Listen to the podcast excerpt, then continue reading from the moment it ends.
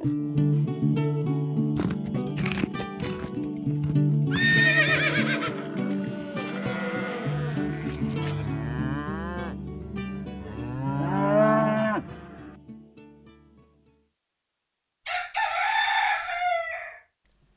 hei. Hei! Hallo. Hallo! Hallo, hallo, Hvordan hallo, står det hallo. velkommen til Gjengevold pludrekast, Ja. episode 75. Oi! Vi har gjort det her Jeg føler mange vi ganger nå. burde Vi har jo noe å feire med. Vi har- jo ja, vi en drink. Ja, men skål da. Skål for det. Ding-a-ding. Ja, jeg um, um, Vi har jo kommet til sesong tre av denne podkasten. Vi lager jo en ny sesong hvert år. Og det er Ja, altså er det kalenderåret som bestemmer sesongen? Ja.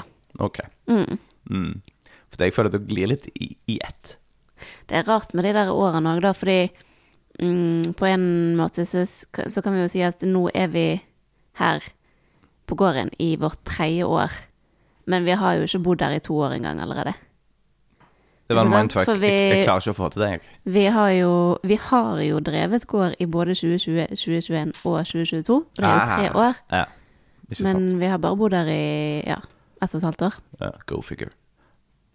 Crazy. Uh -huh. Man kan ikke tenke for lenge på sånne ting, for da blir man litt gal. Men det vil altså si at vi er, nå er vi på sesong tre på denne podkasten. Nettopp. Hei, hei og velkommen. Um, ja, vi følte vi måtte uh, kose oss litt ekstra, så vi vågte oss på en søndagsdrink. Mm. Fordi hvorfor ikke? Veldig godt, uh, veldig god idé, Ja. syns jeg, Kjetil. Det, det, det, takk. Flink, Kjetil. ja.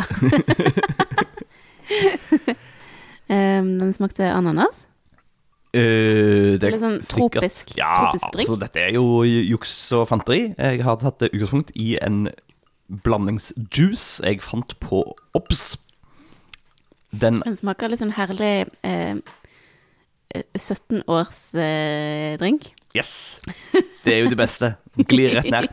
Uh, Altså Det- ikke 17 år gammel, men, men sånne drinker man drakk når man var 17 år. jeg forsto det. Mm. Ja. Ikke sånn godt, godt elda. Sånn som en god whisky. Mm. Eh, jeg har akkurat kommet inn fra å herje med brøyting. Ja. Vi får jo kjenne på elementene nå, da. Vi er, vi er snødd inne, rett og slett, Ja. Så når jeg flytta fra Østlandet til Vestlandet igjen, så trodde jo jeg at jeg var ferdig med sånn vinter. Mm. Eh, og så flytta jeg i, liksom, litt inn i dalen, også, eller inn i fjorden, og Ja. så opp i 170 meters høyde. Til visstnok et av de mest snørike områdene i Hordaland, har jeg hørt noen si. Hmm, det tror jeg ikke på, fordi eh, alle disse andre stedene Voss, liksom. Mhm. Ja, det er sikkert snørikt der òg. Men eh, uansett så gjør eh, høydemeterne våre at der hvor det regner nede ved fjorden, der snør det her oppe. Mm. Eh, og i fjor hadde vi jo egentlig bare bakke kjempelenge, og så kom snøen, og så kom kulda, og da snødde det liksom tre dager, og så holdt snøen veldig lenge. Ja. Men det gjorde jo at det var veldig enkelt å håndtere ting som liksom bryta vei og sånt, da. ja, det var ikke så ofte du trengte å gjøre det. Nei, jeg, jeg var ute noen få ganger. Gikk fram og tilbake med den, eh, med eh, snøfresen eh, som fulgte med, med bruket. Mm. Eh, går veldig sakte å brøyte 600 meter vei med snøfres, vil jeg bare si. Men, men det går. Mm. Eh, ja, og, og i fjor så var det jo sånn kaldt snø. Så det var jo behagelig, fluffy greier. Ja. Eh, Lett og Ja. fjonete. Men eh, i år så har vi hatt eh, noen runder med snø, eh, hvor det har vært ganske våte snø allerede fra starten av. Det er liksom nu- nullføre, såkalt. Mm. Eh, og i går så fikk vi virkelig opplevelsen av at nå snør vi inne. Eh, og det har vel snødd i alle fall en 30 cm på et døgn nå.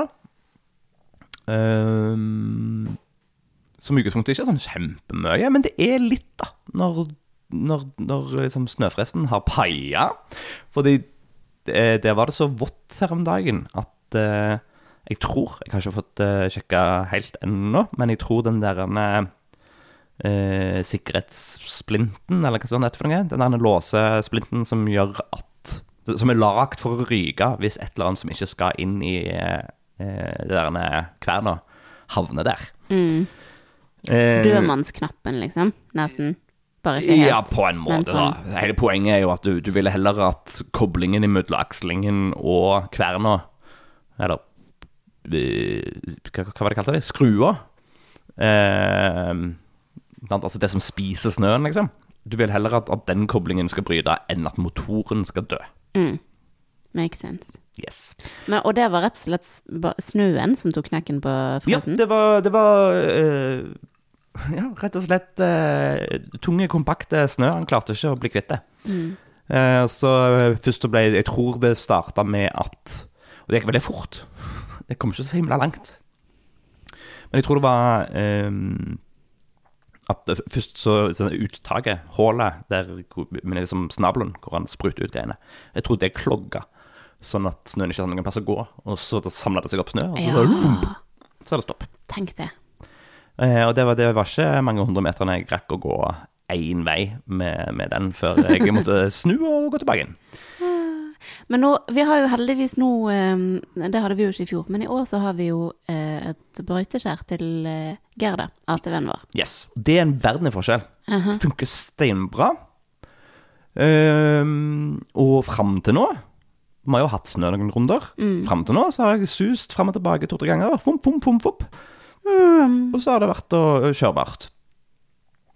Men nå har altså snøen som har kommet de siste dagene, eh, vært av den såpass blaute og tjukke typen at det har krevd litt mer arbeid. Og sjøl etter å ha brøyta liksom, første runden, så sleit jeg med å komme meg hjem fordi snøen i seg sjøl var så løs. Eh, det, det er liksom ikke bare en skogsvei, det er òg en skogsvei som har krappe svinger og bratte bakker. Og, og hull i veien. Og en masse hull i veien. Ja. Sånn at uh, firehjulsdriften eh, eh, ender opp med som spinner på et hjul, og så plutselig så blir det løst, og så blir, tar snøen og så blander seg med grusen, og så Ja. Du sleit, så, altså, ikke å komme hjem med ATV-en, men med bilen. Med bilen, ja. Ja, mm. ja. Så uh, når vi skulle Hvordan ble det, da? Når vi skulle ut i går, Mm. så kjørte vi uh, bilende. Ja, i forgårs. I forgårs, vi, ja. Forgårs kveld så kjørte vi begge bilene ut til enden av veien. Mm. Altså til der Der som hvor det blir brøyta. gårdsveien vår møter den eh, vei. mer ekte veien. Mm. Ja, der det blir brøyta. Nede hos naboen, basically.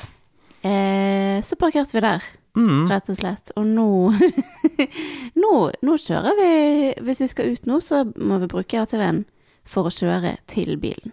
Ja. For det går ikke an å kjøre helt inn til gården lenger. Det er jo litt sånn eksotisk, da. Det er det jeg eh, liker det på et vis, så lenge jeg ikke trenger å transportere store, tunge ting. Ja. Eh, I går så trengte vi jo å handle hønsefôr. Mm. Eh, og da måtte jeg handle en presenning i samme slengen, sånn at jeg kunne eh, putte fòrsekkene under presenning på Gerda, sånn at det ikke ble så bløtt at det ramla fra hverandre på veien. Mm. Så, ja, så det er litt sånn logistikk involvert. Men, men det går. Det går for en kort periode. Ja. Eh, og, og hvis det blir en lengre periode, på en måte, så, så vil jeg jo tro at det enten smelter nok til at vi kan kjøre, eller at det blir kompakt nok til at vi kan kjøre. Mm. Eh, men det går, i dag har jeg da vært ute og håndtert disse 30, nye 30 cm, som har lagt seg på toppen av de andre tingene. Altså, jeg har liksom ikke fått brøyta fullt ut de siste par dagene, sånn at det steder sikkert en halv meter, da. Mm. Eh, og halvmeter tjukk, tunge snø eh, gjør at det samler seg sånne snøfonner. Og når da fresen er, eh, har parkert seg litt grann, eh, enn så lenge, fram til vi får kjøpt sånn ny sånn splint, eh, så endte jeg opp med å liksom prøve å så, eh, heve brøyteskjær litt, grann, altså kjøre opp på snøen og ta liksom det øverste laget. Og så kunne jeg liksom jobbe meg nedover, da. Og etter hvert når jeg jobba meg nedover, så sa det plutselig pang! Eh, og så sto brøyteskjæret og dingla. Hvor mange av lytterne hoppet i solen? Det er sånn, nå sitter jeg her og holder på en, eh, en sånn stålbolt eh, som knakk. Eh, fordi jeg kom inn til en sånn fjell, eh. Altså, for, det, for det, ja, for det er jo ikke, som jeg sa, det er, skru, det er svinger og det er bakker, og det er jo bare ikke mark, ikke, ikke bare mark på sidene, men det er jo forhøyninger og berg og sånt som vi kjører forbi. Eh, så det er liksom masete å finne ut hvor jeg skal gjøre den snøen. Så nå skal jeg liksom skrape vekk snøen fra den ene sida for å flytte den over på andre sida av veien. Eh, og da tok jeg i eh, berget. Mm. og da er det jo en, det er jo òg en sånn sikkerhetsløsning. Veldig smart. Det er veldig smart. Akkurat sånn som på, på fresen, så, så er det her en sånn løsning hvor denne bolten ryker istedenfor at liksom festet til ATV-en eller eh, selve brøyteskjæret bøyer seg, eller Ja. så. Eh, så et lite øyeblikk der, så tenkte jeg faen, nå er jeg fucked. Eh, jeg har ingenting å håndtere snømengder på veien med. Så dro jeg opp mobilen og sjekka hvor jeg kunne få tak i det, hvor dyrt det ville være å kjøpe ny. Koster ca. 300 kroner eller noe, ting, så det er jo ikke så krise. Sikkert noe shipping i tillegg, da, så det blir jo litt mer. Men eh, så ser jeg på bildet av de at den er jo symmetrisk i begge ender. Så jeg forstår at den er meint til å kunne snus. Ja, så du får en sjanse til. Så jeg får en sjanse til. Men det betyr at vi er på siste sjanse nå. Ja. Sånn at, eh, at det, det lure er å bestille nye sånne en, og et par sånne splinter til fresen, Ja. sånn at vi er sikre hvis noe går. ja. For det er, det er dagens lærdom. Det er veldig lurt å ha ekstra deler til de eh, veldig nødvendige tingene man trenger for å håndtere snøen. Ja. Og Og så, så kanskje i de aller mest ekstreme tilfellene som nå, da, så eh, er det kanskje like greit å la den snøen ligge. ja, nei, men jeg har lurt litt på det. Altså, det var jo hun som bodde her før. Hun holdt veien fri et par år, så ga hun opp. Jeg vet, jeg vet ikke hvor lenge hun holdt på med det. Men, eh, men hun kjøpte seg jo snøscooter. Og parkerte der nede, hvor vi har parkert eh, nå. Og kjørte på snøscooter fram og tilbake på vinter når det var snø, da. Ja. Og det- um, og bare liksom bare embrace at eh, sånn, Brukte ikke tid på å måke. Mm. Tok heller og ordna det på den måten. Og det er jo ikke dust, men det er litt upraktisk når vi skal flytte store mengder fôr og sånt. Og vi kan ikke, sånn som hønsefôr kan vi ikke kjøpe inn jeg vet ikke, 50 sekker, da, eller hva. De, de, de blir dårlige etter hvert.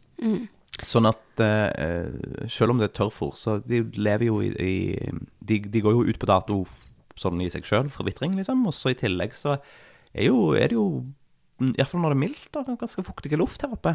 Sånn at uh, det kan jo fort gå mugg i de òg hvis de ligger for lenge. Ja.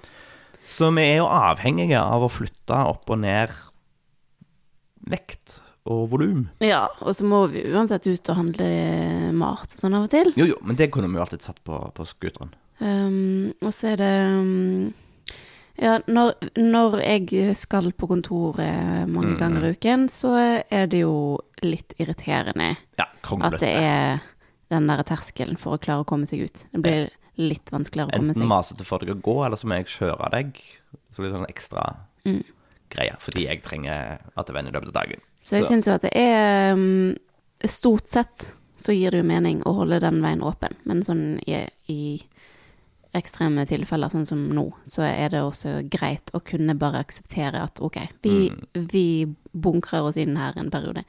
Og nå den siste tiden så har vi jo ikke um, vært på Reko, vi har ikke solgt greier, vi har ikke hatt Og jeg har hatt hjemmekontor, så vi har liksom ikke hatt um, mange dager hvor vi liksom må ut, da.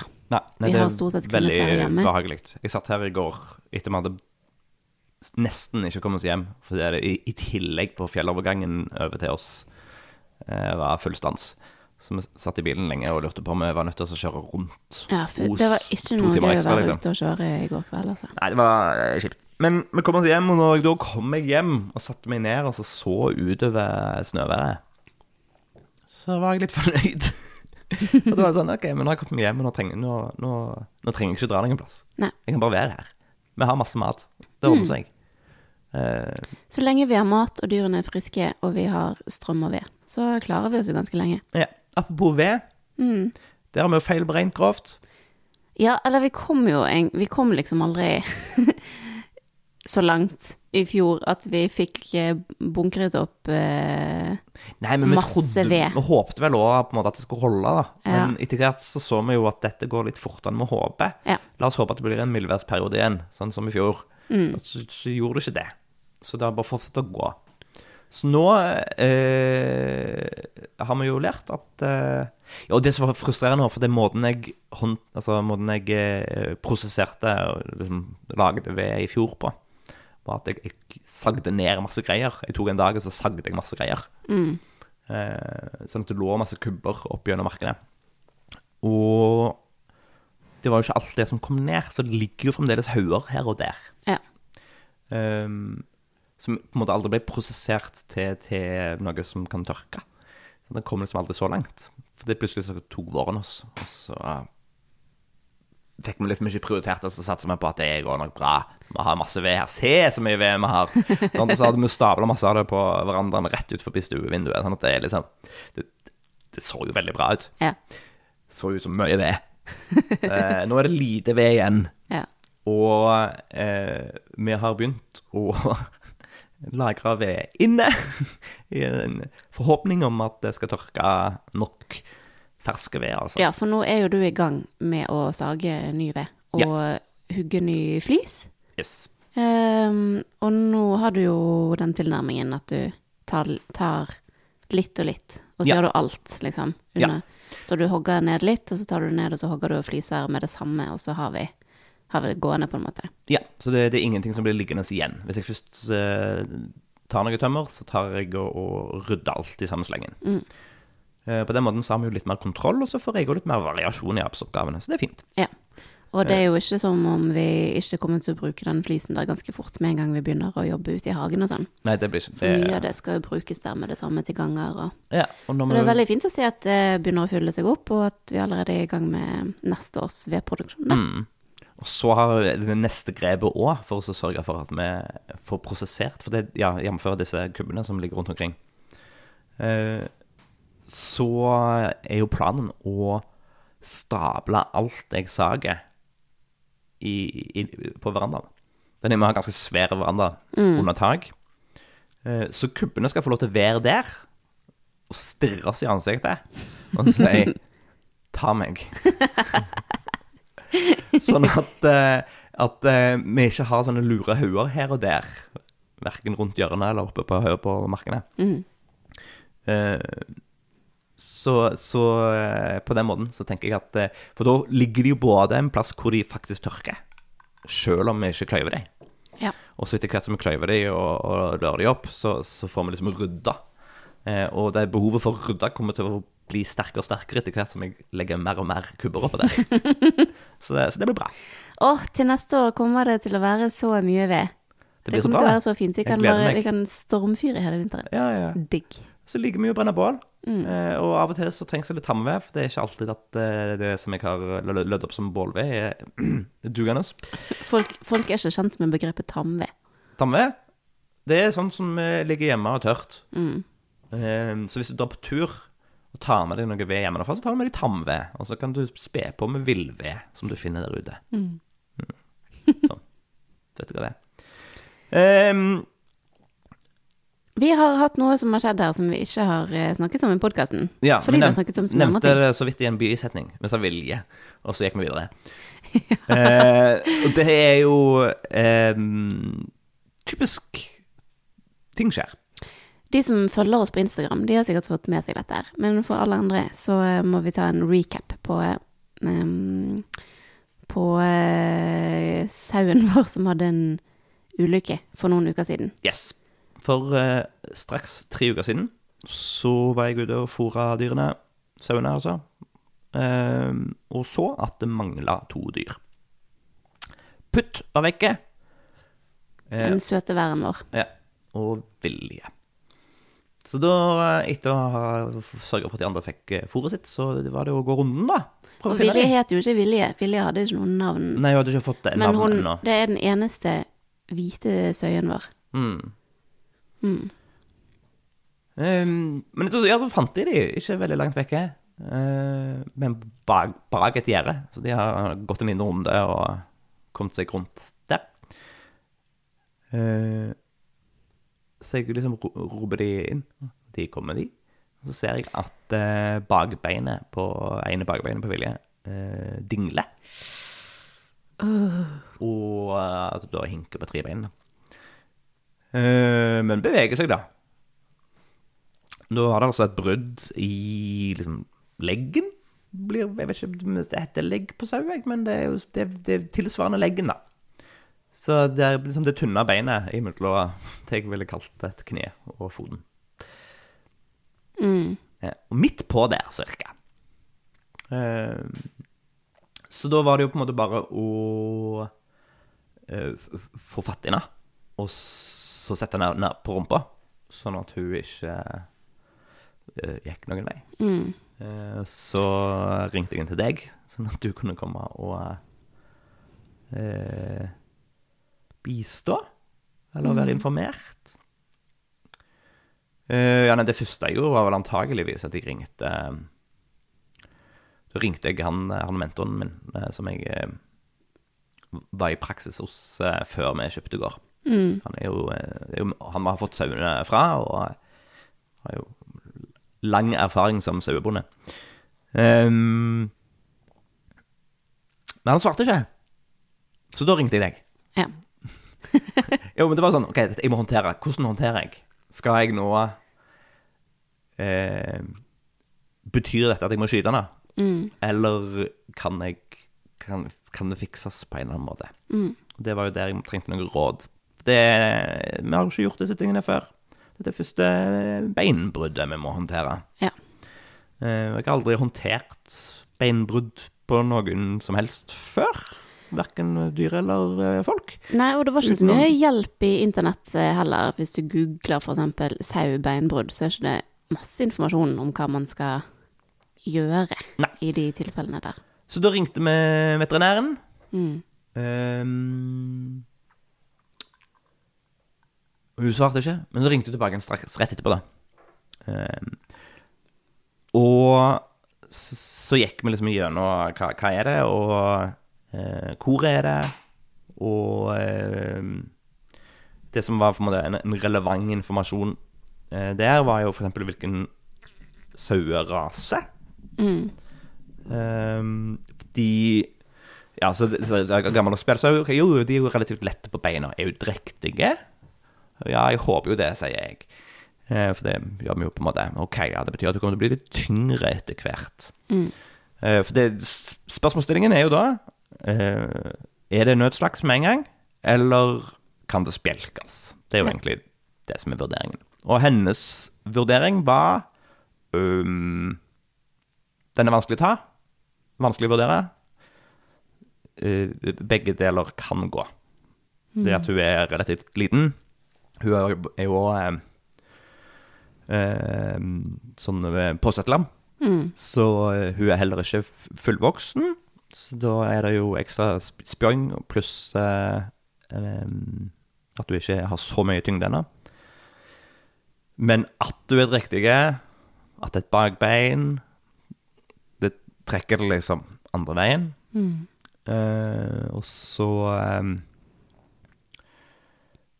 eh, sier jo at du må bare vite at det er veldig vondt. Ja. Sånn, ok, ja. Hun lider. Greit. Notert. Så jeg, jeg trodde jo ganske fort at eh, nå, nå skjer det, liksom. Så, Ja, eh, så ja, så jeg ringte ut- vel deg for å be deg om å ta med trillebåra for å få henne til en plass jeg kunne skyte henne. Ja. ja, for når jeg kom ut, så var du helt innstilt på at ok, nå, nå må vi slakte henne. Hmm. Men eh, det- der hadde du en magefølelse på at det var du usikker på om jeg skulle gjøre. Ja. Så du ringte med en veterinær til. ja Second opinion. um, en, eh, en som jeg eh, kjenner, da. eh, som jeg visste at jeg kunne ringe til akkurat da. Um, og han sa vel omtrent det samme, eller um, Uh, Jeg var jo da ganske innstilt på at å, vi må prøve å redde henne. For det føltes, eh, for meg i hvert fall, så føltes det ikke riktig å slakte henne. Um,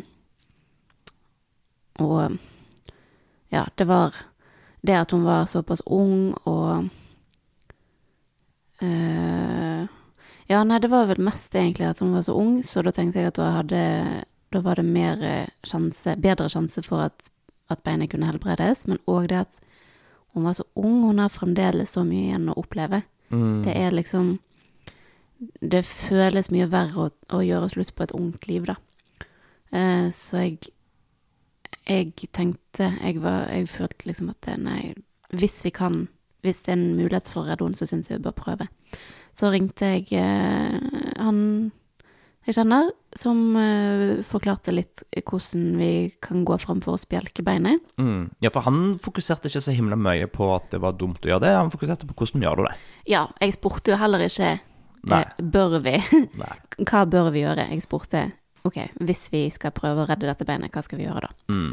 Um, og da anbefalte han uh, at vi prøver å finne et, et rør som er i riktig størrelse, og kutte det i to, og ha, legge på forsiden. Ja, på langs, viktig. da. Sånn at det ligger som sånn klam hånd rundt eh, Ja. ja. Eh, viktig at det var på forsiden og ikke på baksiden av beinet. Eh, og ikke så langt at, man, at det går over leddene, da. Mm. Verken det øvre eller det nedre. Og så var det veldig viktig at det var godt polstret under. Ja. Det var egentlig det. Ja. Så, så sprang du av gårde for å finne et rør og kom tilbake igjen. Og mm, med, med førstehjelpsskrinet, og det er jo det vi har førstehjelpsskrin for, for mennesker, da. Men det, det kan jo brukes på dyr Ja, ja, ja. Med sportsteip og bandasjer og alt mulig rart. Og en, eh, en T-skjorte, da, til polstring. Mm. Og der satt du da på regnjakken din på snøen Ja. ute på marka Mm. eh, og hadde vilje i, i fanget. Ja. Og det Det var jo Det var en prøvelse. Det var jo selvfølgelig aller mest en prøvelse for den stakkars sauen som Mm. satt der og hadde det vondt. Og det, det så Det er jo helt forferdelig å liksom å, å håndtere et bein som er som er tvers brukket av. Altså, det, det henger og dingler. Mm. Heldigvis så var det jo ikke gått hull på huden. Det var ikke noe Det var ikke noe åpent sår eller noe sånt, som jo nesten er mirakuløst. Men, eh, men det ser jo overhodet ikke bra ut, og du merker at, at sauene har det veldig, veldig vondt. Um, og så, eh, for å kunne spjelke det, da, så eh, må man jo sørge for at beinet er At de to endene er De møtes. møtes. Ja. At det er kontakt mellom dem, liksom. At beinet står rett. Mm.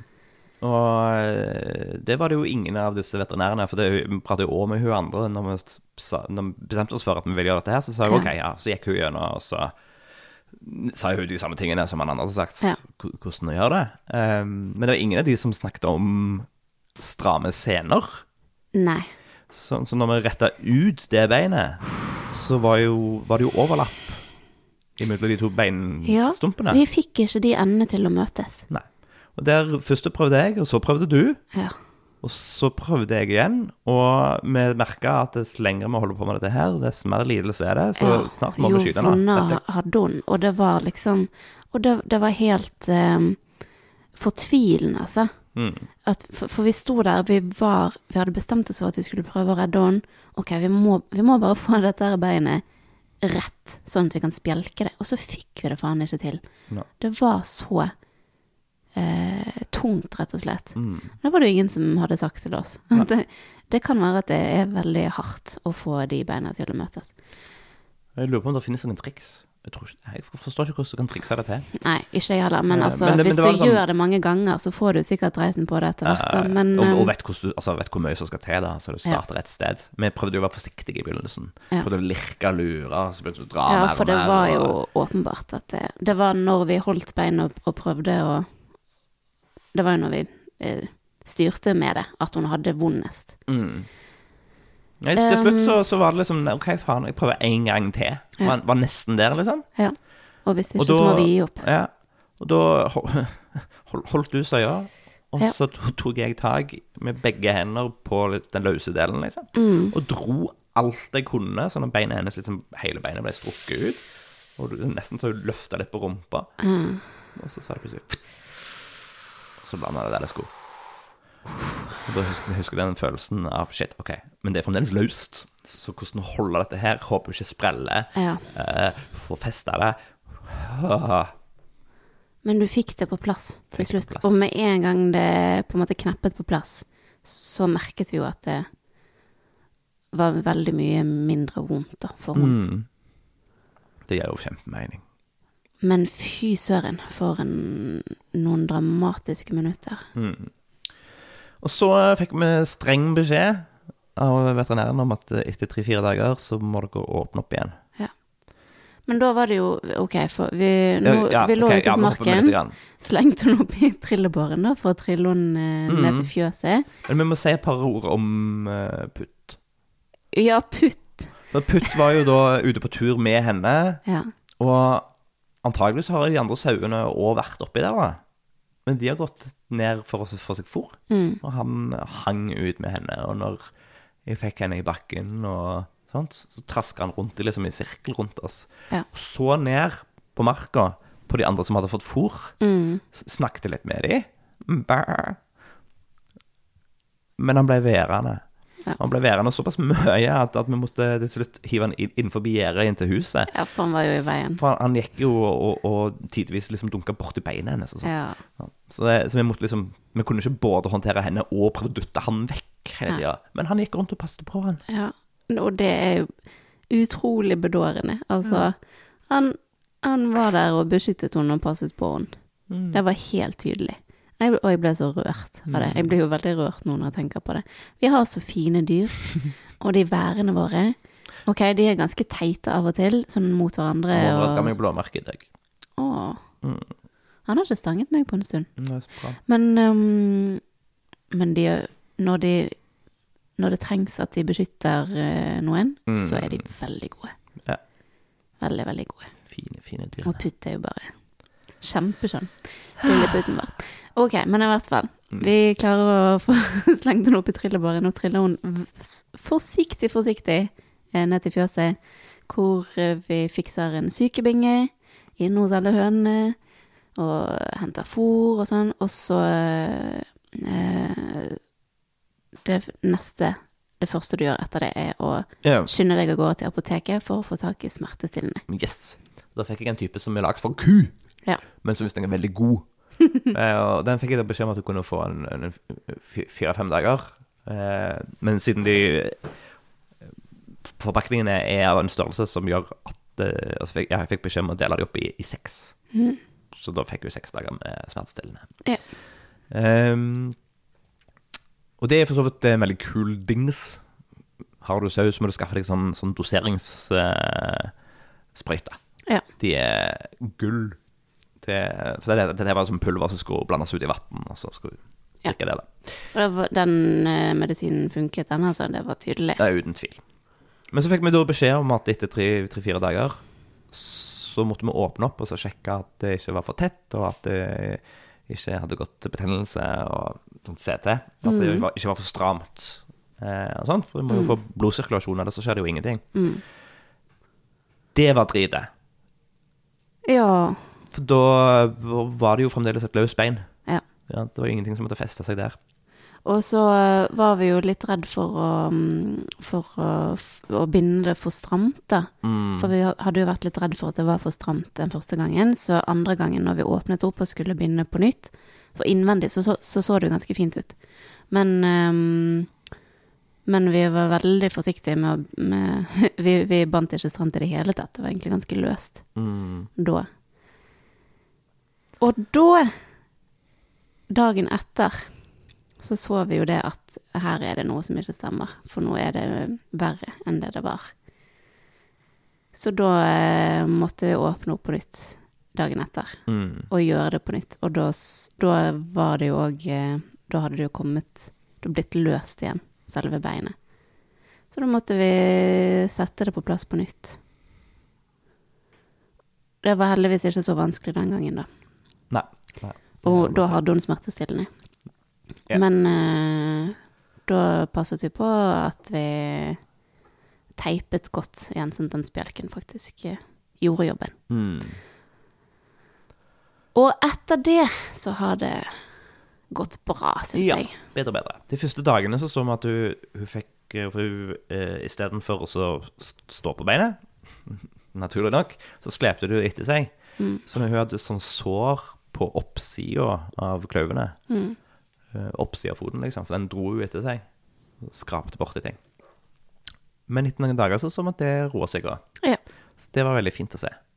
Eh, og nå, siste par dagene, så har jeg sett henne legge litt trykk på. Ikke bare For det er jo ganske fort. Så kunne du, hvis du sto stille, så kunne du finne på å ikke bare stå sånn om hun står på tær, men også faktisk liksom sette foten ned. ja. Uten å legge vekt på. Uten å legge men, vekt på. Men, men nå ha har jeg- den der. Ja, men nå har jeg sett henne dytte fra et par ganger. Står stadig litt sånn stilette, hel modus og sånt òg. Altså, det er, vi er absolutt ikke i mål. Men det, det er tegn til at det går veien, det. Ja. Så det ser ut som det kan gå. Mm. Men eh, prisen for dette her er jo at hun må bli inn, være, være inne, da. Ja. Eh, og det blir, blir nok fram til lamming. Jeg tror det blir så lenge. Ja. Hmm. Det tror jeg. Vi kan, vi, mm, vi kan snakke med noen veterinærer igjen.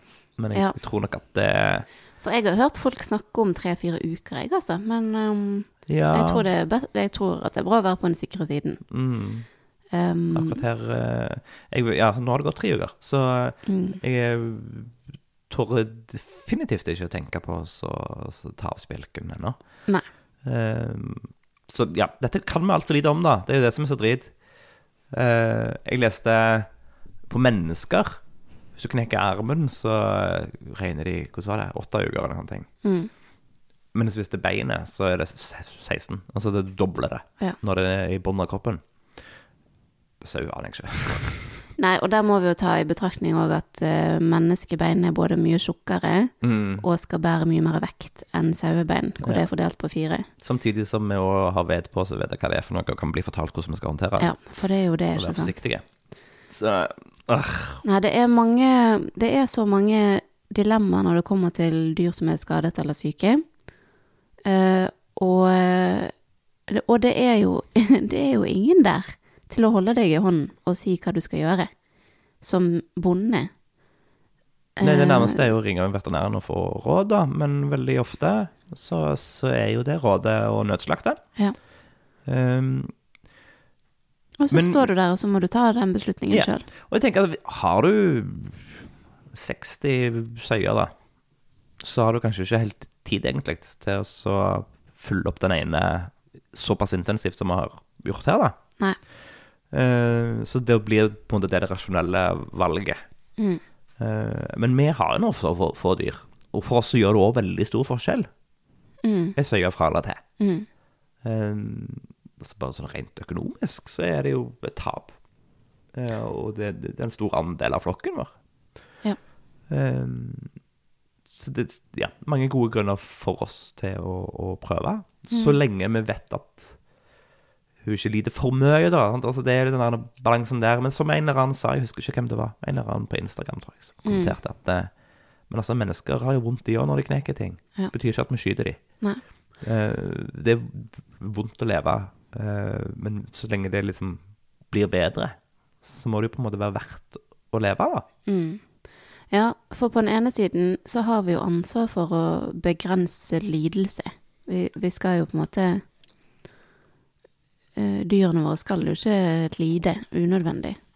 Men på den andre side så, så syns jeg ikke det blir riktig at hver eneste gang noen skader seg eller har vondt, så skal de slaktes. Fordi eh, liv innebærer jo at man har vondt av og til. Vi kan ikke vi kan ikke utradere lidelse selv om vi skal prøve å begrense det. Og så har jo også alle dyr lyst til å leve. Mm. Altså det, de, de vil jo gjerne leve, ikke sant? Hvis de hadde kunnet velge sjøl. Altså, Mm. vi, vi får jo aldri et svar fra dem, de kan jo ikke snakke til oss. Men hvis det hadde vært meg, og jeg hadde knukket et bein, så hadde jeg jo hatt lyst til å leve hvis jeg hadde fått muligheten. Og fått Ja. Eh, Så jeg eh, er veldig glad for det valget vi tok der. At vi valgte å prøve. Mm. Eh, og så blir jeg jo selvfølgelig kjempelei meg hvis, eh, det viser seg at det ikke går likevel. Ja, men det, uff, det orker jeg ikke tenke på. Men det er alle grunner til å være positiv. Beinet ser bra ut, hun beveger seg bra, og hun har alltid vært eh, hatt god matlyst hele Mm, tiden. ja. Hatt god matlyst og god allmenntilstand, og vært i kjempehumør, egentlig. Hun er jo den humørsprederen. Mm. Så utrolig søt og blid jente. Så det har ikke vært så mange signaler på oss, til oss da på at det var feil valg. Så, det, så det, ja, Den store testen er jo selvfølgelig når vi på et eller annet tidspunkt tar den spjelken, Mm. kommer til å gå normalt. Ja. Eh, og s- ja, så er jeg veldig spent på hvor lenge vi skal ha det på. Mm. Så det må vi be om råd fra noen som kan. Rett og slett. Ja. Eh, ja, nei, så det var, uh, det var Det var veldig bra du var hjemme den dagen. Det, jeg had, hadde jeg vært alene, så måtte jeg ha skutt ned. Ja, tenk det. Så det er jo kjempeskummelt, egentlig, å tenke på det, hvor sårbart akkurat det der er. Fordi ja, den Søyen lever nå ene og alene fordi jeg hadde hjemmekontor. Mm. Det er et, det er et liv, det. Mm. Um, så ja, forskjellen på å være én og på å være to i sånne situasjoner er helt Det ja. Mm. Jeg hadde ikke hatt sjans til å håndtere det beinet alene. Nei. Man skal ikke drive gård alene. Det ser vi igjen og igjen. Mm. Ja. Nei, så hva skulle vi gjort hvis jeg hadde vært på Jeg hadde, hadde jo rast hjem, da. Ja, altså jeg ringte jo ene naboen, men han plukket jo ikke opp telefonen. Han ringte ikke før mange timer senere tilbake. Jeg kunne ha ringt et par andre naboer. Mm. Det hadde jeg nok gjort. Sånn at det er ikke Det er savnet med modifikasjoner. Men allikevel, altså. Mm. Eh, og jeg hadde vel òg kanskje hørt mer på, på førsteimpulsen til første veterinæren jeg prater med, istedenfor å ringe flere folk. Mm.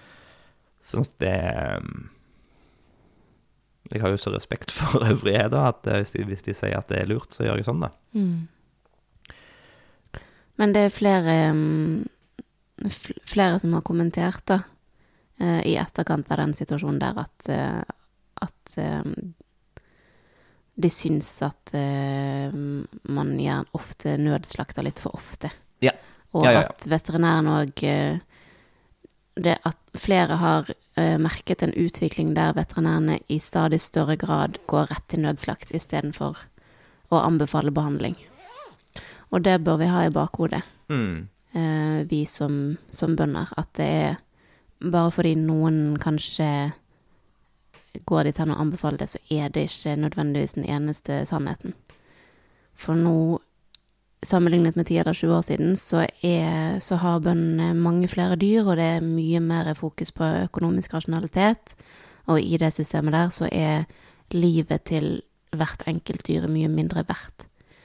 Eh, Altså for vår del òg tiden det har tatt oss å følge opp det dyret og em, få den medisinen, og hvis vi hadde fått en veterinær hit, så hadde det kostet noe òg. Altså, de utgiftene der hadde nok kostet mer enn det livet hennes rent sånn økonomisk sett er verdt.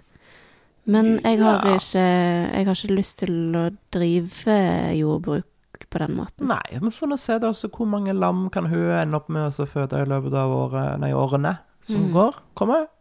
Si at hun eh, har åtte år, da, hvis, hvis ting går bra. For eksempel. Det for så vidt et tall jeg tar ut av hatten, eh, finger ut i lufta osv. Men det, det skal gå helt greit. Altså, det, teoretisk sett så kan hun fortsette å poppe til hun er 10-12, hun, altså. Men, Mm. men det er vel Når hun er 7-8 år, så, så er nok Så begynner vi nok å se at hun begynner å bli gammel, da. Ja. Eh, men hun får se. Det kommer helt an på hennes eh, sånn genetiske bakgrunn og Mm. individting. Men la oss si at hun popper åtte år, da. Mm. Og gjennomsnittet er på en 1,6-1,7 lam. Mm. Eh, Så kjapt regna 14 lam, da, kanskje. Ja. Det er 14 skinn Mm. eh, som vi kanskje kan ha en fortjeneste på en tusenlapp stykket på.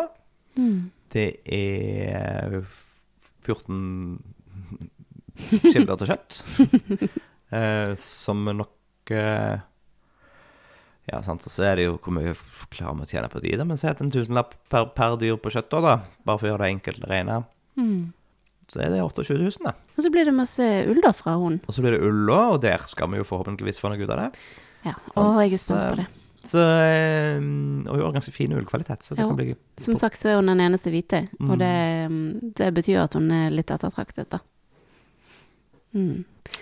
Nei, dette ullprosjektet vårt, eh, som vi ikke har snakket noen ting om ennå, men eh, det blir spennende å se hva det blir av det etter hvert. Yes. Um, Har, du, har du noe gøy å snakke om? Noe hyggelig? Ja. Som du kan avrunde med Ja. en liten uh, hyggelig melding? Ja, Ja, hva da? vi har fått noen flere frø i posten, Ja, det har vi. og det Hvem har vi fått ifra? Det er frø Nei, det er blomsterfrøene våre. Yeah. De har vi kjøpt fra Blomsterhagen. Det er en blomsterhage som driver på Abildsø uh, utenfor Oslo, som driver økologisk. Um, de har ikke så mange økologiske frø, sertifiserte, for det, ja, det er nesten ingen som har økologiske blomsterfrø. Men de har veldig mange fine blomsterfrø. Og eh, nå har vi fått, um, fått de i posten. Og de er så fine. Mm, De er så fine. det er Og det er så fine mange blomster. fine farger. Og det er um, Skal vi nå se Skal vi, skal vi name-droppe noe eh, blomster? Ja, vi har jo noen um, no, litt sånn gress og sånn, sånn ehm, Som fungerer som eh, fillers, eller ja, som tar opp, tar opp plass i buketten. Sånn dunbørstegress, som er sånn veldig flott, lys, fjonete gress. Og hirse. Og så har vi Jeg ser jo at det er en del farger som går igjen her, da. Det er jo litt sånn pastell, gammel rosa og mørk eh, rustikklilla og sånt som det. Mote tenker jeg vi sier at eh, vi er inne på nå. Men det, nei, det er fint. Mote. Mote? Ja, tror du ikke det eh, blir sånn på- påvirkelig eh, vurdering? Jo da, men det har jo òg med hva jeg eh, Mine personlige preferanser, Mm. liksom. Ja. og Det er en del sånne røde og lilla toner. Ja. Ganske mange av de. Og litt sånn blå lilla. Og så litt sånn eh, nostalgiske mm, gylne rød-oransje toner. Men veldig lite sånn knæsj. Mm. Um, eh, sånn klassiske knalloransje, for eksempel, er ikke, mm, er ikke Ja. mine farger. Men her har vi altså en høststråblomst, en revebjelle, en løvmunn, akeleie, gulrotblomst, kosmos, akeleie, storvoksurt, en ettårig asters. Mm. Eh, så har vi bakkeryllik, og det er en sånn eh, eh, Ryllik kjenner jo de fleste til, men sånne hagesnittrylliker, de kommer jo i veldig mange flere forskjellige farger.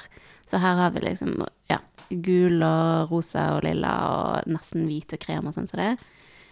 Um, vi har litt ulike typer høststråblomster som vi skal prøve å tørke. Uh, og et par ulike løvemunner. Hmm. Og så har vi sinnia. Uh, en uh, plante som heter grønnskjell, som ser litt ut som re revebjelle på en måte. Som er helt grønn. og Ganske Ja, kul. Og som også er en fin sånn filler. Eh, Floksa. Sinja Ja. Masse, masse fint, da.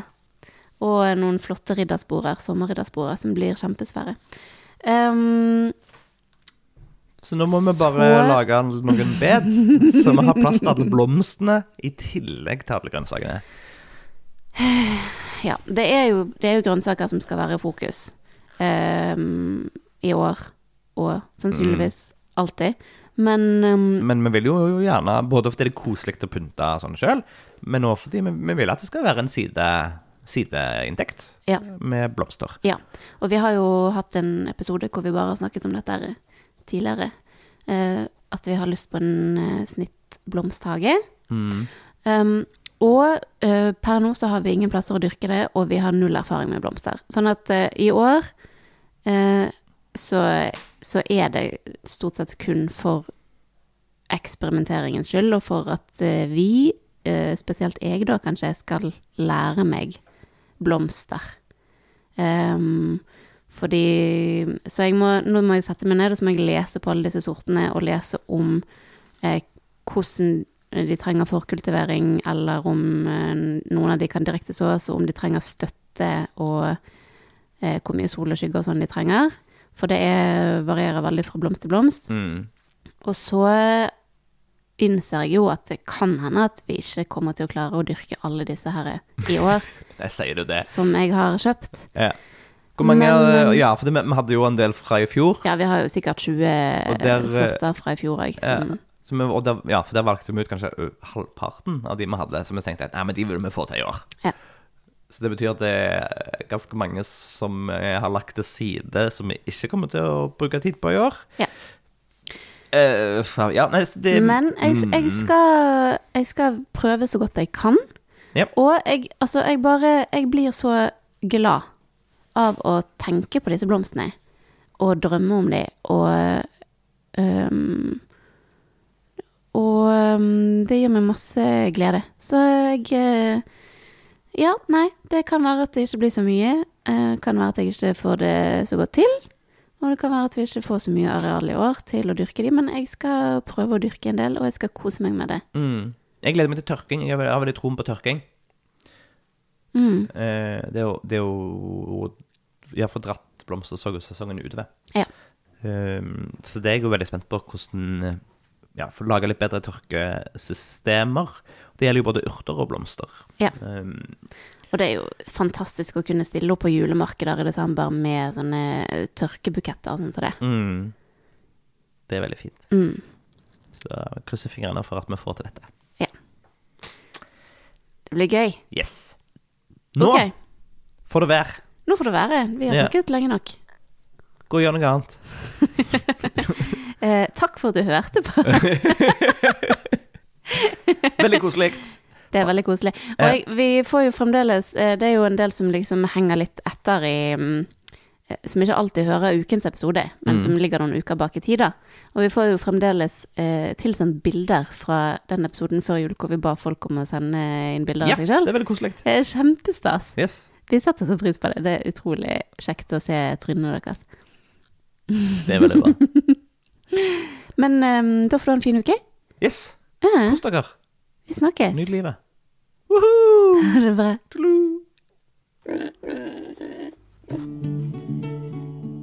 Tusen takk for at du har hørt på Gjengevold pludrekast. Hvis du har en tilbakemelding på podkasten, så blir vi kjempeglad for å høre fra deg. Er det noe du syns vi skal snakke mer om, eller noe vi bør snakke mindre om, så kan du sende oss en melding på e-post på hallo krøllalfa gjengevold.no. Du kan også komme i kontakt med oss på Facebook på Gjengevold mangesysleri, på Instagram ett mangesysleriet, og på nettsidene våre gjengevold.no. Vi setter utrolig stor pris på å høre fra deg, og vi blir ekstra glad hvis du har lyst til å dele denne podkasten med en venn.